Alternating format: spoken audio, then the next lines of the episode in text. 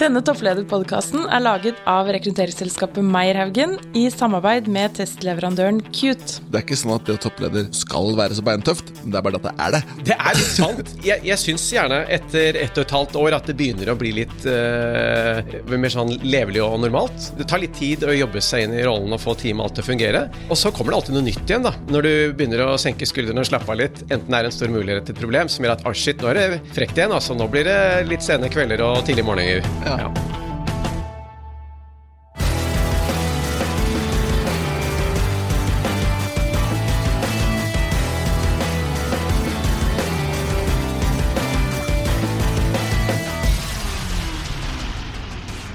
I dag er vi så heldige at vi har fått et veldig spennende gjest. Sverre Haugen. Ja, og det er ikke Sverre Haugen som er gjest, men det er Sverre Rosén. Sverre Rosén, og det er det I dag har vi da to Sverrer i studio. Og Sverre Rosén, hvor er det du kommer fra? Eh, Jeg er født i Oslo, men jeg har bodd stort sett eh, over hele Norge. Valdres, Nordfjordeid, andre masse småsteder. Ja, Hvor er det du jobber i dag, da? Nå jobber jeg i Circle K, der er jeg administrerende direktør. Nettopp kommet tilbake fra USA. Og det skal vi prate litt mer om senere. Dette er med eh, forskjell på det å være leder i Norge og USA. Men for å bli litt bedre kjent med deg, eh, Rosén, skal vi bare bruke etternavn, eller? Det høres nesten litt formelt ut. Ja, Det går bra begge deler. Ja. Ingen, klarte å si navnet mitt riktig i USA uansett. Og nå tok du egentlig poenget mitt, for jeg hadde gleda meg til å spørre hvordan løste du den knipa der? For det er jo ingen amerikanere som kan si Sverre. Så lenge de smilte, så sa jeg at det er helt greit uansett hvordan du sier navnet mitt. Men jeg har hørt Severe, Safari, Sarah, Sveary osv. Så, videre, så det fungerte helt fint. Ja, ja, ja for du at løsningen er egentlig å skrive det S-V-E-D-D-E, som blir Swedde. Det er det nærmeste jeg har kommet. Ja, Da. Svedde eh, fungerte også, har jeg også hørt. Ja. Bra. Men du, eh, for å bli bedre kjent med deg, eh, Svedde. eh, Hvis vi da skulle truffet hverandre på fest, da, og du skulle bare hatt en sånn derre drømmespørsmålet ditt at Hvor er passionen din? Hvor er guilty pleasure? Hvor får du masse energi av å prate om? Ja. Selv om jeg koser meg veldig fælt med barna, så vet jeg at det er ikke det mest spennende temaet å snakke om for andre. Eh, men jeg syns det er veldig gøy å løpe. Eh, jeg syns ikke det var så gøy når jeg var god og løp eh, 60 meter og sånn kort i kretsmesterskap da jeg var liten. Men langdistanse, det jeg absolutt ikke er bygd for, maraton, det har blitt en sånn guilty pleasure. Men hva er det du sa det du ikke er bygd for? Jeg veier 85 kilo, så jeg er like tung som to kenyanere når jeg krysser målstreken. Eh, men jeg har klart å holde meg under tre, under tre timer, så det går an å flytte en eh, stor kropp også. Ah, det er helt sinnssykt. Hvilken løype var det? Eh, det har jeg gjort både i Berlin, Chicago og New York. Ja, Så du har løpt, du har løpt flere maraton, Det har jeg. Ja. Wow. det gir litt disiplin, så for meg så har det vært en sånn kjempeventil mellom jobb og familie. Travel hverdag. Ja, for ikke sant, det, der, det å løpe langt er jo selvfølgelig god mosjon, men det er sånn Er det en myte eller er det fakta at når man trener at man kan lette tankene, eller tenker man bare på hvor vondt det er? Noen ganger så tenker man bare på hvor vondt det er, for å være helt ærlig. Men det kan være litt fint, for da føles det ikke så vondt ut på jobben når det er tøffe tak. Men eh, jeg syns at det å komme seg ut i skog og mark, kanskje det er litt sosialt eh, osv., er en fantastisk måte å slappe av på både fysisk og mentalt. Så jeg henter mye energi på det. Og så får du litt sånn fighting spirit som du trenger på slutten av en maraton som du tar med deg på jobb. Så, hvis, så, så hvis vi hadde kommet opp til det og begynt å snakke om langdistanseløping, da er det liksom uh, putte på en femmer og få for en tier? Ja, altså når jeg hørte at eh, dere har måttet ta trappa her har blitt uh, spreke i det siste, fordi heisen har stått, så er det veldig fristende at vi går ned og løper trappene som en eh, avslutning etter programmet. Og Altså. så er det vel Har ikke vi trent på Stoltsen? Har du løpt opp den? Jeg eh, i Bergen? Jeg har løpt Oslos bratteste. Ja, ja, oppe Villeløypa? Ja, og det gikk greit. Jeg løp den på 20 minutter, men jeg eh, igjen da, er bygd for flatt og hel, Ja. helst kort. Så oppoverbakke gjør det ekstra tøft å være rosen. Og så, og så er det morsomt Jeg må bare kommentere litt, være litt kommentator her, for dette er jo en podkast, så det er ikke så lett å se kroppsspråk, men, men det er tydelig at det kommer noe engasjement her, fordi kroppsspråket til Sverre er veldig livlig når han snakker om Ja, løping. han- han lyser over hele kroppen. Kan ikke nekte for det. Bra. Veldig bra. Men du, eh, Sverre Haugen, eh, Ja. vi skal nå gå over til en fast spalte her i Topplederpodkasten, og det er Tre kjappe. Ja, og da er det sånn, eh, Sverre, at, at jeg skal vi skal stille deg tre spørsmål på slutten av denne podkasten. Du får ikke lov til å svare på dem helt enda, men vi vil at du skal tenke over det mens vi snakker sammen. Ehm, første spørsmålet det er hvis du skulle anbefalt en bok til lytterne våre. Hvilken bok skulle det vært? Og da kan du velge selv om det skal være skjønnlitterært, eller om det skal være noe faglitteratur. Eh, tips nummer to. Hvis du skulle gitt ett råd Du har jo lykkes, du er jo toppleder, men hvis du skulle gi ett råd til en aspirerende toppleder, et karriereråd, hva skulle det vært? Og det tredje spørsmålet er hva er etter din mening den største tabben man kan gjøre som toppleder? De tre gleder vi oss til å høre svaret på på Ja, og så kan det jo være at de, dere som lytter også, kan jo tenke ok, hva skulle det, dette vært, da? Er du klar til- til å svare på dette her mot tampen av sendingen, Sverre? Eh, vi skal gjøre et forsøk. Men nå skal vi gå på hoveddelen, og dette her er jo hensikten med denne podkasten er jo hvordan er det å være toppleder? Hvordan er det å være den øverste lederen i en organisasjon? Ikke en mellomleder eller bare lederskap, men det er å være helt, helt på toppen. Og eh, Sverre, du leder jo da Circle K i Norge. Kan ikke du bare si litt kjapt om eh, ja, jeg, De fleste forbinder dette med bensinstasjoner, men fortell litt, hva er Circle K for noe? Så Circle K, vi har eh, flere hundre stasjoner rundt eh, hele landet på de mest utrolige beliggenheter. Nord-Norge, Lofoten osv. Og, så videre, og Østfold, Vestfold. Eh, der, eh, som alle vet, selger vi gode pølser, og vi selger nå etter hvert også mye sunn mat. Eh, vi selger mye drivstoff. Vi selger biodrivstoff for å prøve å være litt miljøvennlig. Og så kommer det jo også mer av tjenester som bilvask, som vi også har vært gode på. Og så er det dette med elektrifisering og mobilitet som treffer vår bransje. og det treffer Norge før noe som helst annen geografi. Så der skjer det veldig mye for tiden. Bra. Det vi tenkte å bare Altså det er, det er, I hvert fall her i Oslo da, så er det veldig mye elbiler. Og eh, jeg hørte i hvert fall det at var det ikke så, Er det to tredjedeler av inntektene kommer fra drivstoff, og en tredjedel fra hva skal jeg si, mat og drikke og cola og kioskvarer? Stemmer det, eller? Det stemmer bra. Ja. Og hvis man da Hvis jeg følger, forfølger resonnementet litt videre, da, og tenker at hvis øh, Nå er det ganske stor andel av de bilene som selges, i hvert fall i Oslo-området, som er elbiler. Og øh, hvordan skal dere ta inn de inntektene der, da? Altså Vi har jo som du sier sett perioder hvor man har vært helt oppe i 75% nysalg eh, elbiler, eh, og vi ligger vel på rundt 10% elbiler i landet nå. Først må jeg si at Heldigvis så har vi litt tid på oss. Vi har jo en stor eh, bilpark som kommer til å leve en stund til. og Spesielt på business to business, da, trucks osv., så, videre, så kommer flytende drivstoff til å være veldig viktig for oss. Men vi er nødt for å være kreative og se på andre tjenester og trender innen mobilitet og skape nye vekstområder. Og Det er jo det vi sitter og jobber med nå. Jeg kan ikke dele for mye detaljene, for jeg føler at eh, det er noe jeg har lyst til å få gjort før konkurrentene. Så hvis jeg forteller akkurat hva vi tenker, så blir det litt vanskelig å vinne. Ja. Men eh, hvis du bare satser på et rent høstescenario, så kan du gjøre god butikk i noen år, men da vet du at du vil være betydelig mindre på spesielt personbiltrafikk i 2030. Ja. Riktig, men la oss, la oss høre litt, da, fordi det, dette er jo en bransje som veldig mange andre bransjer som er i stor omstilling. Men hvis vi snakker litt om jobben din, da. Hvordan er det å være toppleder for noe sånt? Eh, det er veldig spennende. Jeg syns ikke man skal si ja til jobber hvor du vet svaret at dette blir lett før du begynner. For da, i hvert fall sånn som jeg er, da, da blir det litt kjedelig. Eh, det må være noe du kan eh, strekke deg etter. Så det er ingen tvil om at det kommer til å være en krevende og spennende oppgave. Heldigvis så har vi en veldig solid butikk i dag å bygge på. Vi har en god kundebase som stoler på Circle K, og vi har mange gode planer for å passe på at vi får mest mulig ut av den butikken. Men jeg har et veldig talentfullt, ivrig team med en god miks av de som er ordentlig hands on og kan utføre ting, men også noen som er veldig strategiske, smarte mennesker. Og jeg merker at de er sultefòra skikkelig klare på å ta tet i verden på mobilitet. Så et eksempel på ting vi har gjort, er f.eks. å bytte ut og ha lader istedenfor bensinpumpe et par steder på Alexander Kiellands plass. Men det må mer til enn bare lading. Det er ingen tvil om at hjemmelading eh, er en, en stor eh, eh, potensiell konkurrent. Så vi er også på hjemmelademarkedet som et eksempel. Men, men et, et, en idé som du sikkert har tenkt på selv også, altså at hvis man da eh, Ja, Sverre Haugen, du har jo en Tesla. eh, Ja.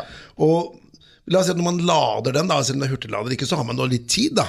Er det liksom, og da, Hvis man sitter der i 20 minutter eller 40 minutter og venter på at den skal lades opp, eller sitter i kø for en lade, da kan jo du komme inn med ditt produkt og tilby en eller annen sånn, et eller annet. Det har du sikkert tenkt på, kanskje? Det har vi. Altså For det første så vil jeg si til eh, Sverre at vi prøver å få ned ventetiden da med hurtigere lader, slik at eh, du ikke skal måtte bli sittende der. Men vi ser jo at eh, 40% går inn i butikken og kjøper en god del eh, mat og snacks osv. Så, videre. så det er en viktig kunde for oss også i framtiden, og de kommer fortsatt til å trenge å å vaske eh, bilen sin, f.eks. Eh, så eh, om du trenger da tjenester som er fundamentalt forskjellige for eh, eleierne, det er litt tidlig å si. Mm. men vi er veldig opptatt av å forstå i 2030 da, hva er det disse kundene vil ønske, og at vi tar de riktige stegene nå, som er fornuftige nå, men som gjør at vi er i posisjon til å vinne hele det økosystemet rundt el også i 2030. Og det må jeg tenke at, hvert fall som toppleder, for det er det den podkasten skal handle om, ikke bare elbil og, og pølser. Men øhm, dette er jo en fantastisk utfordrende stilling, da, som du selv sier, at du kommer i en bransje som er i full disrupsjon. Som veldig mange andre bransjer er, men den er jo veldig tydelig å se, for alle kan jo bare følge med hvordan dette skjer. da. Men eh, vi tenkte vi skulle gå litt mer og se på dette her med hvordan du ble toppleder. For du var ikke født toppleder, du. Noen sier man at nordmenn er født med ski på beina, men det er jo ikke alle som er født som Eller løpesko, kanskje? I dette tilfellet. Ja, nærmere der, ja. ja. Ja, eh, Hvordan har din reise som toppleder vært? Det er som du sier, jeg var ikke født i, og jeg våknet eh, heller ikke opp en dag og tenkte at jeg vil bli toppleder. Eh, Det er noe som eh, skjer over tid. Du finner ut at du kanskje klarer å få til eh, noen ting, eh, og så liker du kanskje over tid å ha litt positiv innflytelse, versus å kanskje sitte på sidelinjen.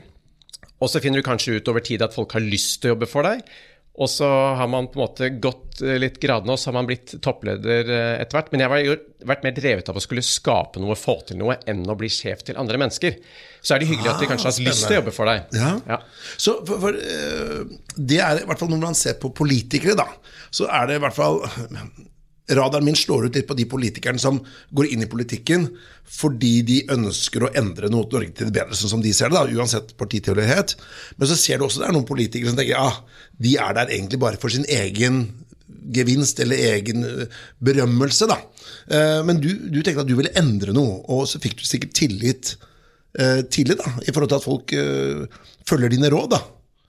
Det har heldigvis eh, vært sånn. Eh, Som sagt, det har vært litt sånn stepping stones. Så jeg vil si det er kanskje tre jobber som gjorde at jeg eh, kom i posisjon til å få min første topplederjobb. Jeg tenkte når jeg var IT-sjef i Storbrann, jeg følte meg i hvert fall litt sånn som en toppleder. Jeg brukte ikke ordet selv, men jeg følte at det var en viktig lederjobb. Storbrann er jo langt på vei et software-selskap, og det sier at Odd Arild nå har eh, trukket inn eh, et par eh, IT-kolleger rett inn i ledergruppen. Smart, smart trekk.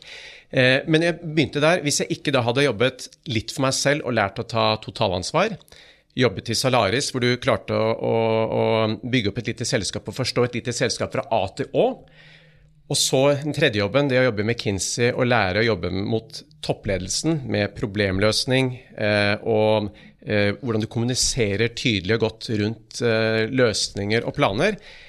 Den kombinasjonen av spesielt da Solaris og McKinsey gjorde at jeg følte jeg var i mye bedre posisjon til å gjøre en god jobb i Storebrand. Da, da kunne jeg IT hands on, så jeg kunne forholde meg til utviklerne og de som er interessert i det.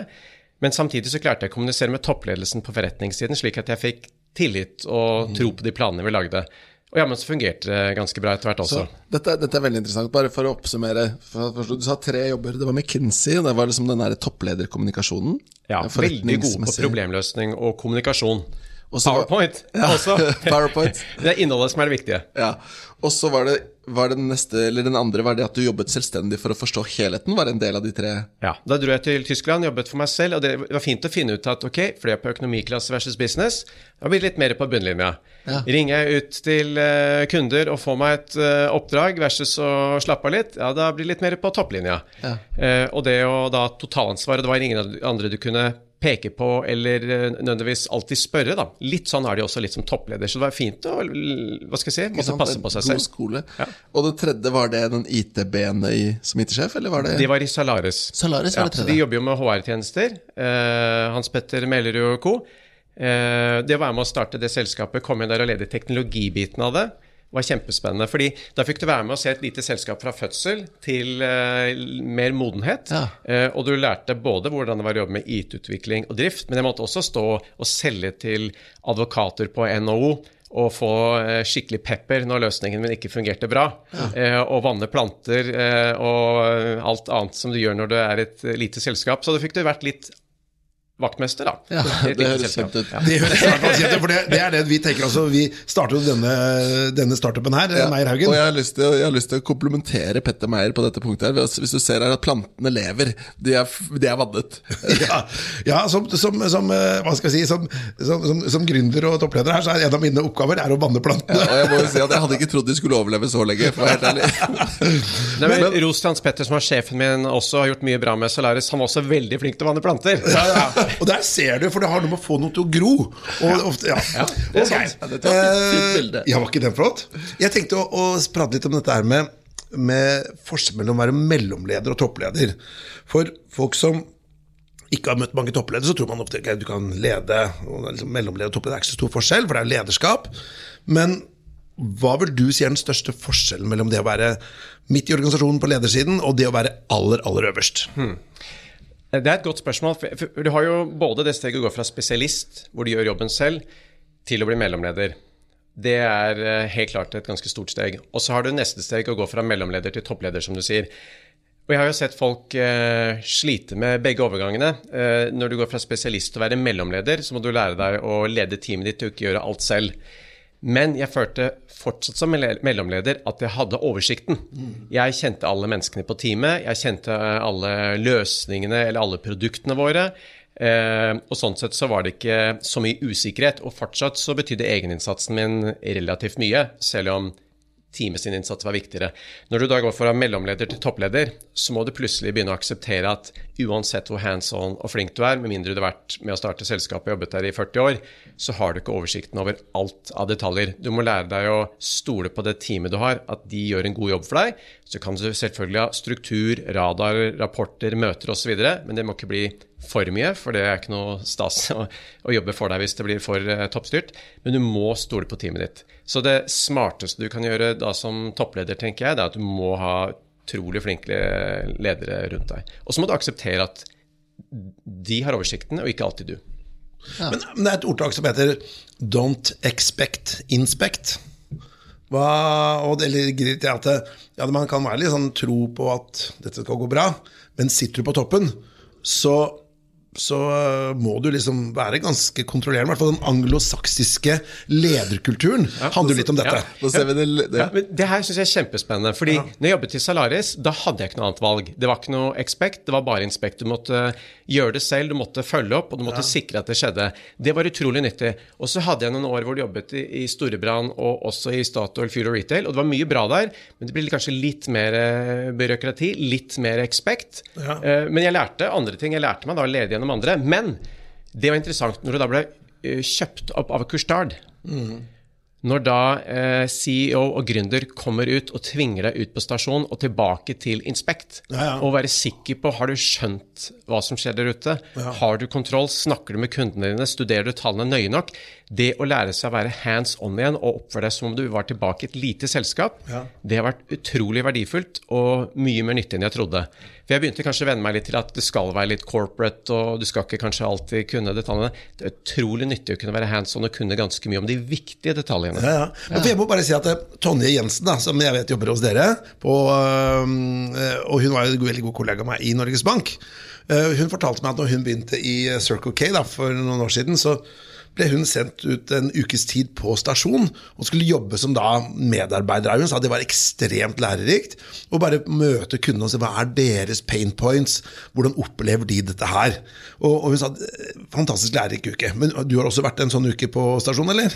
Mye mer enn det. Når jeg var i USA også nå, så er jeg i hvert fall to dager ute på stasjon annenhver uke. Oi! Oi. Så eh, nå har jeg vel sett 50 stasjoner siden jeg jeg begynte, og det å ta seg litt tid til å snakke med dem, spørre om hvordan løsningene vi leverer fra kontoret fungerer, Ja. og hva som er dårlig med dem, og hva vi kunne gjort bedre, det er utrolig nyttig. Du trenger ikke alltid big data for å finne ut at noe ikke fungerer. Det går an å snakke direkte med de ansatte og kundene også.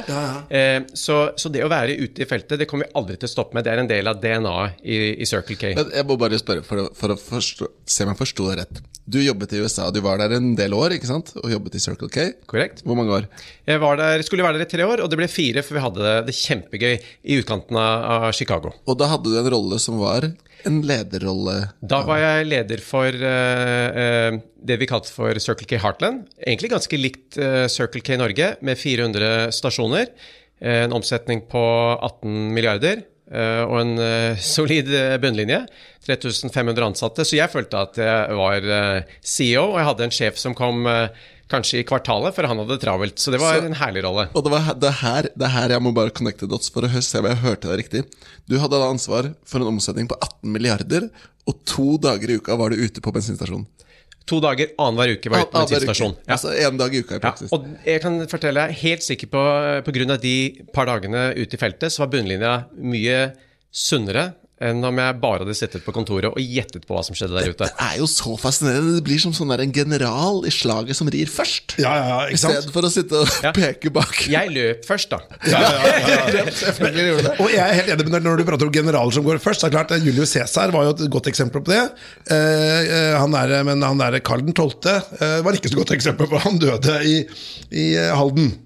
Riktig. Ja. Jeg har en far som er I general, 1718, så jeg har lært, lært litt på hjemmebane også. da. Ja, ikke sant? Men vi må gå litt videre her, og da tenker jeg dette her med eiere, da. Det er jo, eh, i hvert fall når jeg prater my mye med toppledere, så sier jeg at den, den der eh, friksjonen da, som kan oppstå mellom eiere, da, styre, eiere, og toppleder, eh, den, det kan både være positivt og negativt, for å være litt unyansert. Hva tenker du rundt, eh, hvordan skal det ideelle styret se ut? Jeg liker jo et styre som har ambisjon og visjon. Jeg har heller ingen problem med at det er eh, et styre som er ordentlig god på tall og graver og spør osv., for det ser jeg nytten av, av selv. Eh, men jeg liker også da et styre som da i tillegg, etter de har satt da retning eh, og har noen krav til hva vi skal få til, gir meg stor frihet til hvordan jeg styrer butikken, hvordan jeg setter sammen eh, teamet, hvordan jeg løser det. Og være heller en god sparringspartner på forretningsstrategiene, hvordan vi gjennomfører det. Jeg er ikke noe glad i micromanagement, og det er jeg sikker på at 90% av topplederne heller ikke er glad i. Men jeg deler gjerne masse detaljer, full transparens. Ja. Men vær heller en god sparringspartner ja. enn en som kommer og Men ga du klar beskjed til styret at hvis jeg skal ta denne jobben som Os- i Norge, så ikke detaljstyr meg. Da tar jeg ikke jobben. Var du så klar? Eh, det vil jeg si. Jeg var jo det senest i går. Vi, vi hadde et eh, møte, da. Toppledelsen i selskapet og Brian Hanners og gjengen eh, fløy inn fra Canada.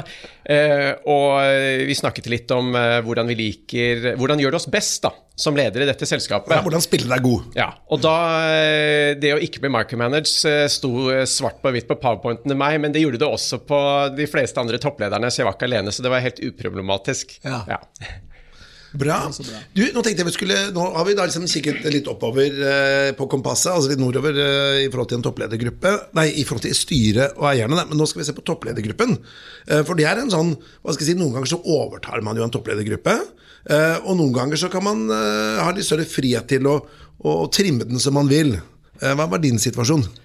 Altså Her har jeg hatt en veldig spennende opplevelse de to siste rollene. Hvis jeg skal starte kort om Circle K Norge først. Eh, Jeg har vært kjempeheldig. Eh, Det har vært eh, et par gode ledere før meg. De har satt sammen en veldig god ledergruppe. Her føler jeg at jeg har alle de talentene jeg trenger. Både operasjonelle mennesker og strategiske mennesker, og de som kan begge deler. Både kvinner og herrer, men vi kan sikkert jakte på litt mer diversitet framover. Men når jeg ble sendt til USA, Heartland, så fikk jeg 400 stasjoner, men det fantes ikke noe ledergruppe. Det fantes ikke noe kontor, det fantes ingen kontoransatte overhodet. Det første jeg måtte gjøre, var å booke et hotellrom og sette meg ned med tre regionsjefer og si jeg har fått jobben. Jeg har eh, ikke jobbet med, med retail på den måten før. Jeg har vært IT-sjef, jeg har bodd i Norge, vi har ikke noen HR-direktør. Hvordan putter vi sammen en ledergruppe? Men jeg delte da tankene mine. Jeg kom jo forberedt litt sånn som i dag, da. Eh, med en liste over hvilke roller de andre BU-ene hadde, og hvem presterte best, eh, og hvilken modell så ut til å være mest ryddig.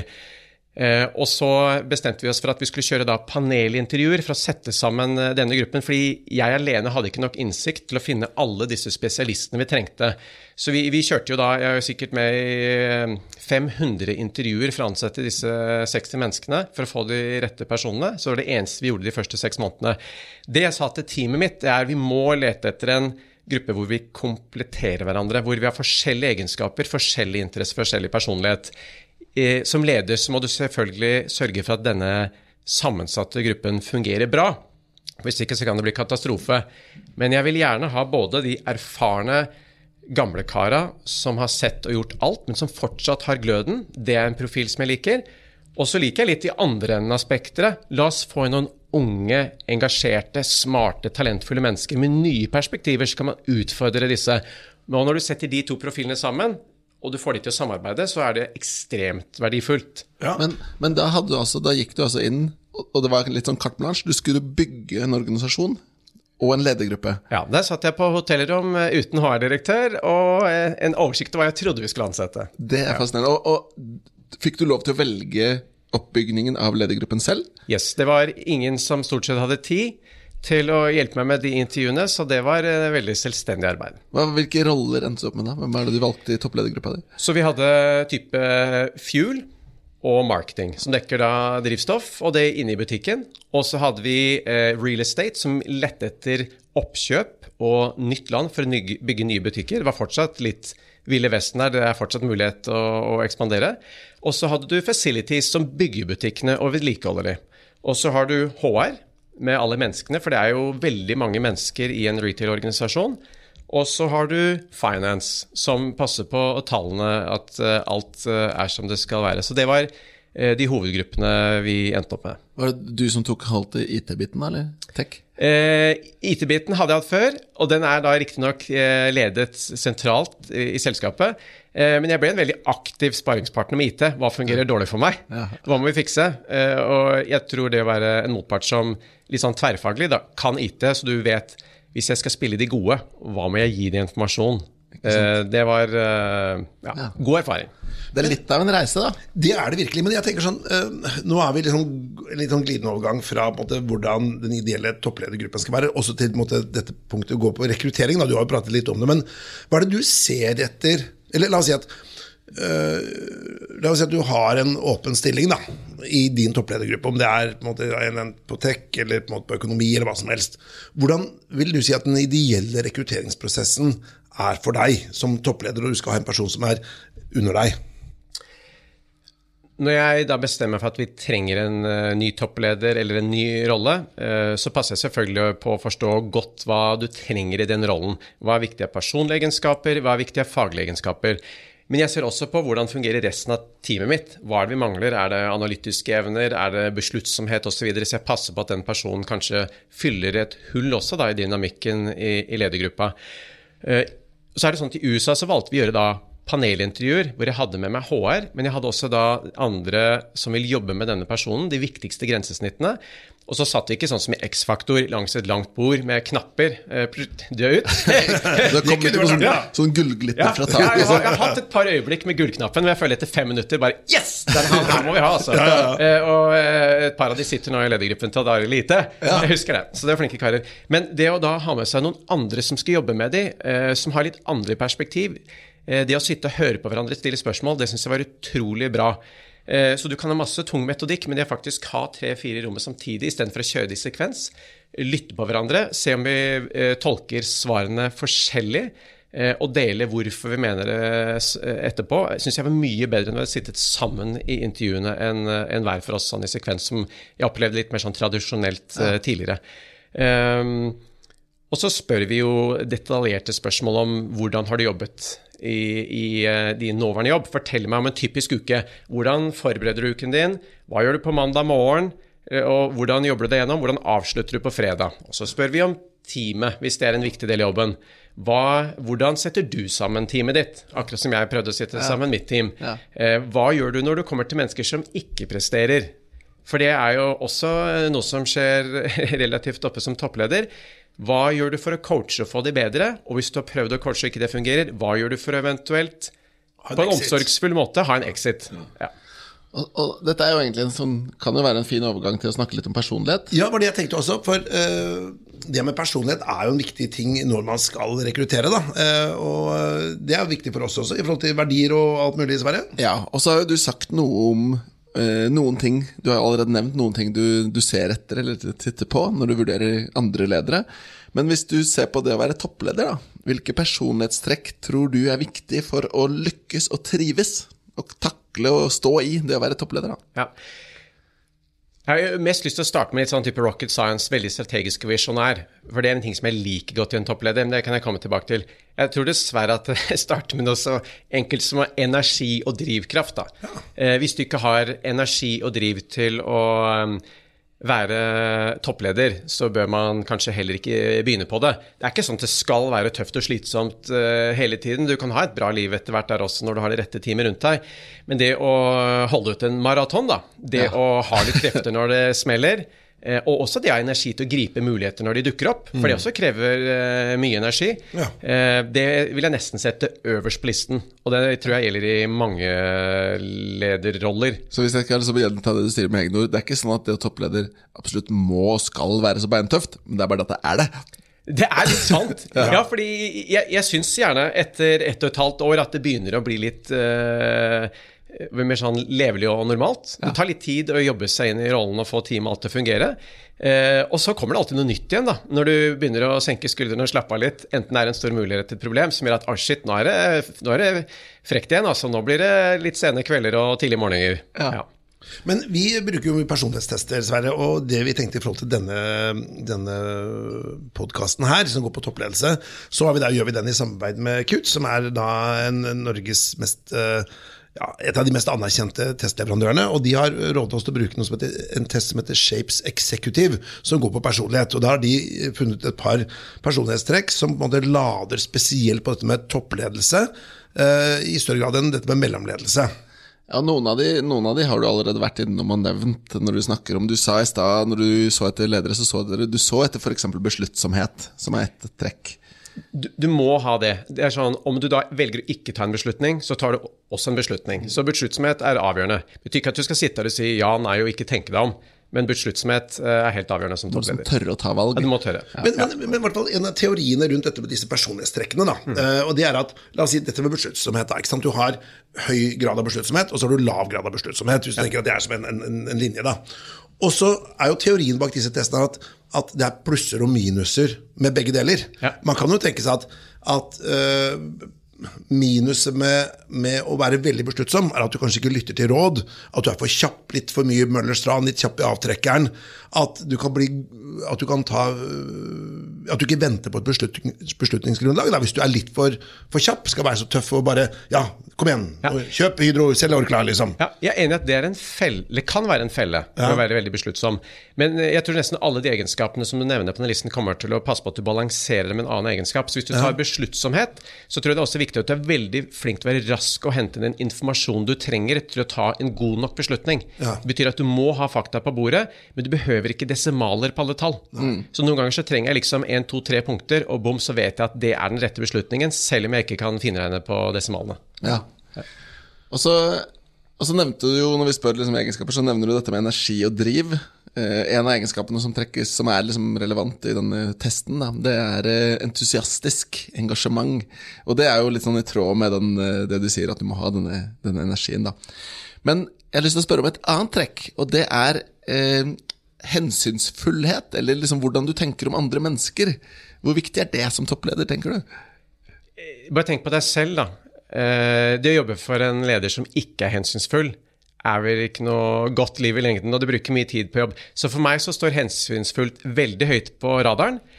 Eh, Så intensjonen min er, og det sa jeg til og med når jeg begynte på listen min, hva, hvordan ønsker jeg at min lederstil skal være, sa jeg til min ledergruppe. Jeg beskrev det mer som intensjonen, for det er ikke alltid man lykkes selv. Det å være caring, eh, å vise hensyn til mennesker og bry seg om teamet sitt, det står eh, veldig høyt på listen min. Det betyr ikke at man ikke skal kunne ta grep når ting ikke fungerer, men jeg har fortsatt en intensjon om å først prøve å få det til å fungere, og når det ikke fungerer, så får man ta litt uh, tøffere tak. Så hensynsfullhet opplever jeg er en styrke gjort riktig. Det er ikke en svakhet. Det betyr ikke at man er puslete og, og ikke kan være besluttsom. Tvert imot så uh, tror jeg du får mye mer ut av teamet ditt eh, over tid hvis du er, uh, ja, bryr deg om menneskene du jobber med. Og, og jeg må spørre, for Du nevnte jo også innledningsvis at du har liksom ikke hatt en sånn stor, tydelig visjon, et flagg, jeg skal bli toppleder. Men du sa at du har oppdaget at folk har lyst til å jobbe for deg. da. Eh, hvor, hvorfor tror du det Hvorfor tror du det har blitt sånn? Jeg tror det er jo litt det du nettopp eh, nevnte. Det er en kombinasjon av ting. Jeg er optimist, eh, men jeg prøver å balansere det med realist. Men det er mye morsommere å jobbe med noen som er litt optimist og tror de kan få til ting. Eh, noen ganger så er jeg flink til å lytte. Jeg prøver å være flink til å lytte. Det er jo mye bedre enn noen som eh, detaljstyrer deg og ikke har lyst til, eh, til å, å høre. Eh, så prøver jeg å ha bare litt, rett og slett litt empati da, i en travel hverdag med små barn og alt mulig. Eh, kanskje folk som har karriereplaner og ønsker osv. Hva er det den personen på andre siden av bordet tenker? Hva er det den personen trenger? Eh, og se kan jeg innfri på de ønskene? Og samtidig gjøre god butikk. Men da har jeg et spørsmål. Du har jo da, som du sier, du jobbet i, i eh, USA. Og dette med hensynsfullhet man, hva skal jeg si, Min personlige erfaring, men også det man liksom sitter igjen med litt sånn fra populærkultur, er at arbeidslivet er litt tøffere i USA. Og spesielt det å være toppleder. Det er litt tøffere. Liksom, you're fired. Det kunne aldri liksom skjedd i Norge. Så hva burde du si er den store forskjellen på topplederskap da, i USA og i Norge, hvis man skal liksom, male litt med bred pensel? Eh, litt sånn karikert. Det er jo litt sånn som du sier, at eh, du kan si opp folk, og så to uker senere, eller kanskje til og med på dagen, så har de pakket tingene sine og er ute uten alltid en veldig stor begrunnelse. Det varierer litt fra stat til stat. Og så er det også litt sånn som toppleder, når jeg sa til teamet mitt at disse butikkene her er dessverre litt rotete og slitne, kan vi begynne å rydde opp litt? plukke ut litt gamle varer, få butikkene til å se litt bedre og bedre organisert ut. Men pass på at du ser på tallene dine etterpå, slik at det vi gjør, er god business. Det jeg fant ut da, var at uh, i hvert fall halvparten av lederne tok det som religion, for du var sjefen. Så når du hadde sagt rydde opp i butikken, så hevde de at også det som var god butikk. Og så kom du tilbake, så tittet du på tallene og sa det her var ikke lurt. Mm. Men du sa jo at vi skulle rydde opp. Ja, men jeg sa også la oss titte på tallene, da. Så det, eh, det og Jeg er ikke alltid like selvstendig som det jeg opplever at eh, skandinaviske ledere kan være. I Skandinavia så opplever jeg at alle har lyst til å ønske å mene om noe, og det er veldig mye styrker ved det. Eh, mens det er andre kulturer hvor jeg opplever at du som toppleder har nesten litt for mye kraft. At dine ord, det er lov. Ja. Eh, og sånn kanskje jeg opplever det litt også når du har kanskje jobbet med folk fra India, at de sier veldig mye ja selv om de overhodet ikke har sjanse til å få til det du, det du ber om. Så det å være obs på det, da, eh, og eh, trene det litt over tid til å være mer selvstendig og tørre å si nei, og ikke bare gjøre det fordi jeg har sagt det, fortelle meg kanskje hvorfor jeg er feil, det var litt sånn treningssak for en del av det. Men hva vil du si her? Man prater veldig mye om den norske eller skandinaviske lederstilen. Altså delegering, få nivåer, eh, empowerment, alt dette her. Men hvis du skulle si hva er det, hva er det verste med skandinavisk lederstil? Da? Hva er den største svakheten med den måten å lede på? Hmm. Jeg syns det er veldig mye bra med skandinavisk lederstil. Jeg prøvde å gjøre veldig mye av det i USA. Jeg syns det ble veldig godt mottatt og fungerte utrolig bra. Så mye mer positivt enn negativt. Um, det hender jo noen ganger at uh, hvis du uh, har rett beslutning og rett plan, at det tar litt lengre tid å få mobilisert og komme i gang. Fordi det er litt mer demokratisk og alle skal bli hørt. Så det er jo en litt fare at uh, det tar litt tid å mobilisere. Det positive når man da først mobiliserer, er at jeg opplever at da er det mer enighet i troppene, og så går det ordentlig fort og ryddig etterpå. Så det kan hende at det er en, en god investering, men uh, Men kan man det være La oss si at kan man man, man, må jo ikke akseptere ting du ikke liker ved skandinavisk lederstil. Så det jeg tenker, hvis det er ting du ikke liker ved den stilen, da gjør du det sånn du mener at det bør være, da. Men, men, ja, men, men, la oss si at, at en, uh, hvis man da har en person som ikke fungerer, da, ja. så er min erfaring at man, at man satser litt for mye på den som ikke fungerer. Om det er en leder eller en person. At man lar det gå litt for lenge. Too little, too late. Og det er ikke bra for den personen heller. Vet du hva, Det er jeg helt enig i. Eh, når jeg hadde min første lederjobb i Storbrann, så var det et par personer som kanskje ikke fungerte helt optimalt som ledere. Og så tenkte jeg at jeg har gode intensjoner, dette skal vi få til å fungere. Og så jobber du i to år, og så er du litt sånn på vei, dette fungerer, og så faller det litt tilbake igjen, og så etter to år så finner du at nei, vet du, potensialet er ikke der. Når du da endelig bytter og får inn rett person, så tenker jeg hvorfor i all verden gjorde jeg ikke det mye tidligere? Eh, man skal ikke stoppe å prøve, men man må nok komme litt raskere til konklusjon at potensialet er ikke der, enten det er vilje eller evne. Og du har helt rett, det er ikke bra for personen nødvendigvis i lengden heller, fordi at de er da litt stresset. Og det er ikke bra for teamet rundt heller, og det er ikke bra for deg. Du får få to jobber hvis du har noen som ikke fungerer. Jeg må, jeg må spørre, før vi, før vi, forlater USA helt, så så har jeg lyst til å spørre én ting. Da du jobbet der, var det sånn at du noen gang dro den klassiske 'you're fired'? Nei. Vet du hva? Det bestemte meg for at det syns jeg Det er kanskje morsomt på reality show. Jeg har ikke noe sånn kjemperespekt for den personen som har startet den linja. Eh, det er et tidspunkt eh, hvor man må se på noen, men jeg må si at når jeg opplevde den problemstillingen første gangen der borte, så tok jeg heller personen inn på kontoret og så sa jeg hvis vi setter oss nå og samarbeider om å forbedre disse tingene som vi er enige om at du sliter med i dag, om seks måneder tror du vi har løst det. Ja. Og, og, jeg visste at det klarer vi ikke, men jeg vil gjerne at han reflekterte rundt det. For det er mye bedre å få lov til å trekke den konklusjonen selv. Ja. Eh, og når han da sier at nei, jeg tror det blir krevende, både privatsituasjon osv., og, så og da sa jeg la oss heller finne en alternativ løsning for deg de neste seks månedene.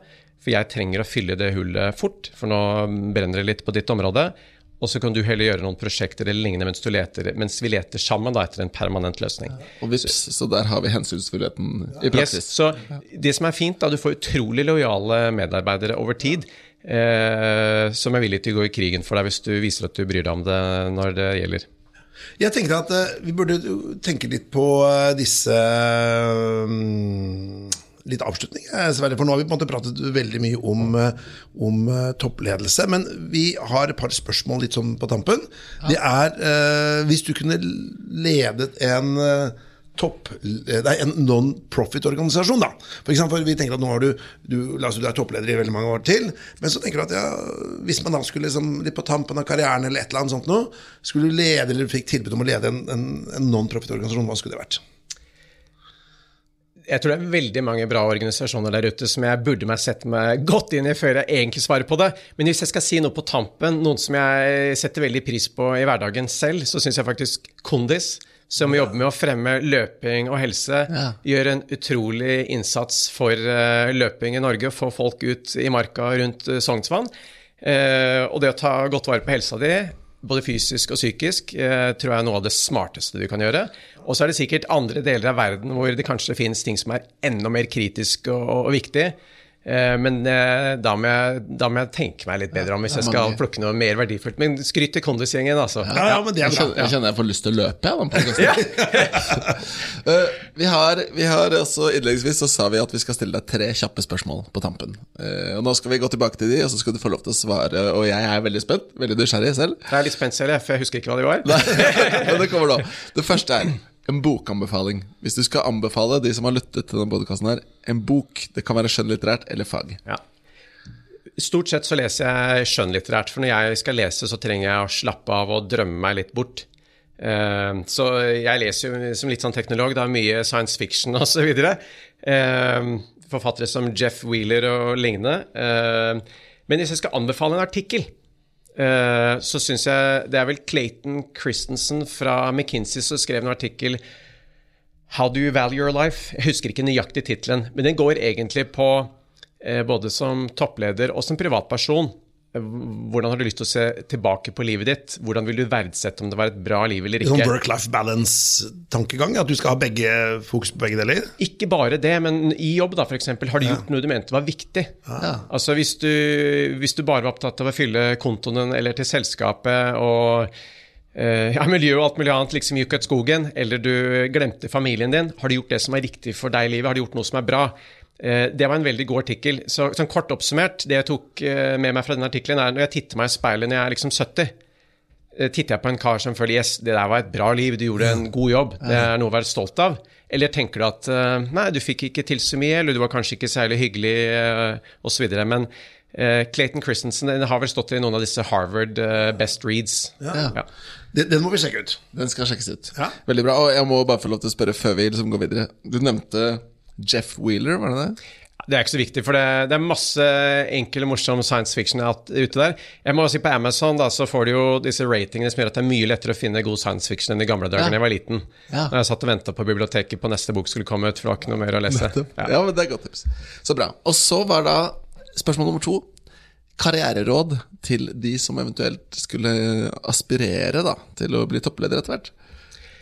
Jeg tror det er viktig Ikke gå rundt og tenke at du skal bli toppleder. For hvis det folk rundt deg opplever at du har lyst til å bli toppleder, det er ikke noe kul kollega, syns jeg. Nei. Du må gjerne ha ambisjoner, det er ikke noe problem med det. Men gå heller rundt og tenk at du skal skape noe. Er det noe du brenner for? Er det noe kreativt du kan få til? Kan du bygge et produkt som kundene virkelig drømmer om, kanskje ikke vet at de trenger? Uh, og så må du bare på et eller annet tidspunkt tørre å satse og, og gjøre disse tingene. Så enten du da er gründer og entreprenør, eller du går for toppleder i et, eh, et stort selskap. Ja. Men det, det, er noe å skape noe, få til noe positivt. Ja. Og så, eh, Jeg nevnte det ikke under eh, egenskaper på toppledere, men det å ha fokus på de menneskene det teamet du bygger. Det, som ung så tenkte jeg veldig mye på teknologi, og så fant jeg fort ut i en stor organisasjon at det viktigste verktøyet jeg hadde, selv om jeg var teknolog, det var HR, å rekruttere gode mennesker rundt deg og ta godt vare på dem og gi dem maks muligheter. Ja, Så fokuser på å skape noe, og fokuser på menneskene. Yes, For de hjelper deg opp. Ja, Veldig bra. Da er vi jo kanskje det, det er jo kanskje flip-siden flip av det vi snakker om nå, men hva mener du er den største tabben man kan gjøre som toppleder? Det er utrolig mange, er det ikke det? Det er mange gode eksempler på mange tabber uh, rundt omkring. Um, jeg er litt usikker på hva som er den uh, største tabben. Jeg vil si, Hvis jeg ser litt stort på det, da, litt i tråd med den artikkelen uh, Jeg mener det var Clayton Christensen, men jeg dobbeltsjekket etterpå. Ja. uh, men hvis du som toppleder har lyst til å se deg selv i speilet når du er 70 år, for å starte der, da. Ja. Prøv å gjøre det som er rett hele veien gjennom karrieren prøv å være bra med menneskene rundt deg og gjør de rette tingene. Ha integritet. Ja. Det tror jeg er smart, for det er en del som kanskje har potensial til å bli toppledere, som tar noen stygge snarveier eller oppfører seg ordentlig upent. Uh, og i hvert fall Hvis jeg hadde sett meg i speilet, så hadde jeg tenkt det der er ikke noen uh, bra kar. Det er, det, det er jo noen som sier at det, uh, du kan, du kan sjekke meg fra høyre til venstre hvordan jeg har tjent pengene mine utenom den første millionen jeg tjente. Ja. For den, den var hard earned. Eller, ja. Men, men, men, oppsummert så er det, og jeg syns det er et veldig godt råd, hvis jeg forstår det rett, men det er ikke liksom gå på kompromiss med integriteten din. Det ville jeg aldri gjort. For hvis du eh, begynner å gå på kompromiss med integriteten din, eller du bløffer for å få til noe eh, og Det er klart det kan være forhandlinger hvor i hvert fall det å vinne en posisjon Du er ikke alltid så god kort på hånda. Så kan jeg skjønne at det er fristende hvis, du, hvis folk oppdager da, at du spiller politikk, bløffer, jukser da opplever jeg at troverdigheten din er ødelagt. Ja. Uh, og om du skulle slippe unna med det én gang, uh, hvor godt føler du etterpå? Ja. Og uh, sjansen for at du slipper unna med det gjennom hele karrieren, er veldig liten. Ja. Så, for, for, jeg tenker at den der med integriteten din og, og ryktet ditt, da, for å si det på den, den gammeldags, det er en superkraft. Sånn som jeg tenker, i hvert fall jeg som jobber med rekrutteringen, at, at, men du merker det ikke før du mister det. Det er som å miste for en eventuelt kredittkort hvis du eller kommer inn i USA eller får et liksom litt dårlig rykte. Hvis folk tenker at nei, å, eh, han eller hun er ikke noe å stole på, mm. da ryker du altså noe så inn, inn, i hampen. Jeg, jeg er helt enig. Det er ordentlig stygt når det skjer når de kommer til toppen. Ja. For da er det så, eh, så synlig for alle. Da blir det jo sånn kjempekrasj. Ja. Uh, nei, så uh, Det er veldig mye lettere å stå i vanskelige situasjoner når du vet at du har stien ren og prøver å gjøre det rette. Og én ting, da. Hvis du gjør noe som er dumt Enten eh, det er I hvert fall hvis det er, spesielt hvis det er umoralsk, men la oss si at du gjør noe som ikke var smart, og folk ikke er fornøyd. Det er ikke noe problem å skynde seg da, be om unnskyldning og gjøre det beste for å rette det opp. Det er ikke noe svakhet å gå tilbake og si unnskyld, der var jeg ikke, det hadde jeg ikke rett, eller det var urettferdig, jeg hoppet på feil konklusjoner. Gjør det kjapt. Det For meg er ikke det noe svakhetstegn, det bare gir tillit. Ja, og, jeg, og jeg, har lyst til å avrunde med å si at dette varer veldig lenge. Det må vi også huske, fordi Søstera mi juksa når hun var banken i Monopol for 30 år siden. Hun får fremdeles ikke være banken. ja. Og det er en liten shout-out her. liten ja. shout-out til Åste, ja. søstera mi. Det er litt sånn konkurranseånd i familien, skjønner jeg. Så jeg kan ikke la den gå. Nei. Bra, men du, Jeg tenkte vi skulle runde av der. Tusen takk til begge Sverrene, både Sverre Rosén og Sverre Haugen. Tusen takk og uh, dette var utrolig lærerikt, det må jeg si. Det har vært veldig hyggelig å være her, karer. Eh, jeg lærte noe selv underveis også. Jeg. Det er fint å få reflektere litt. Det er ikke alt man har tid til det i hverdagen. Så Nei, ikke sant? veldig morsomt. Så bra. Tusen takk. Skal vi, du, skal vi ta den trappa til slutt, eller, ja, du, eller skal vi spare den til senere? Ja, vi har jo åtte etasjer, vi har vært uten heis nummer elleve uker. Eh, men nå har vi fått endelig heis, så jeg begynner på ganske gode beinmuskler. Men får, du, du, kan, du, kan, med Ingrid, hun er ganske sprek her. Vet du, Vi kan ta et kompromiss. Vi går den ned. Vi går, ja, vi går den ned. Okay, ja. ok, ha det bra. Hei, hei. Har du innspill eller kommentarer til denne podkasten, kan du sende en e-post til toppleder at meierhaugen.no.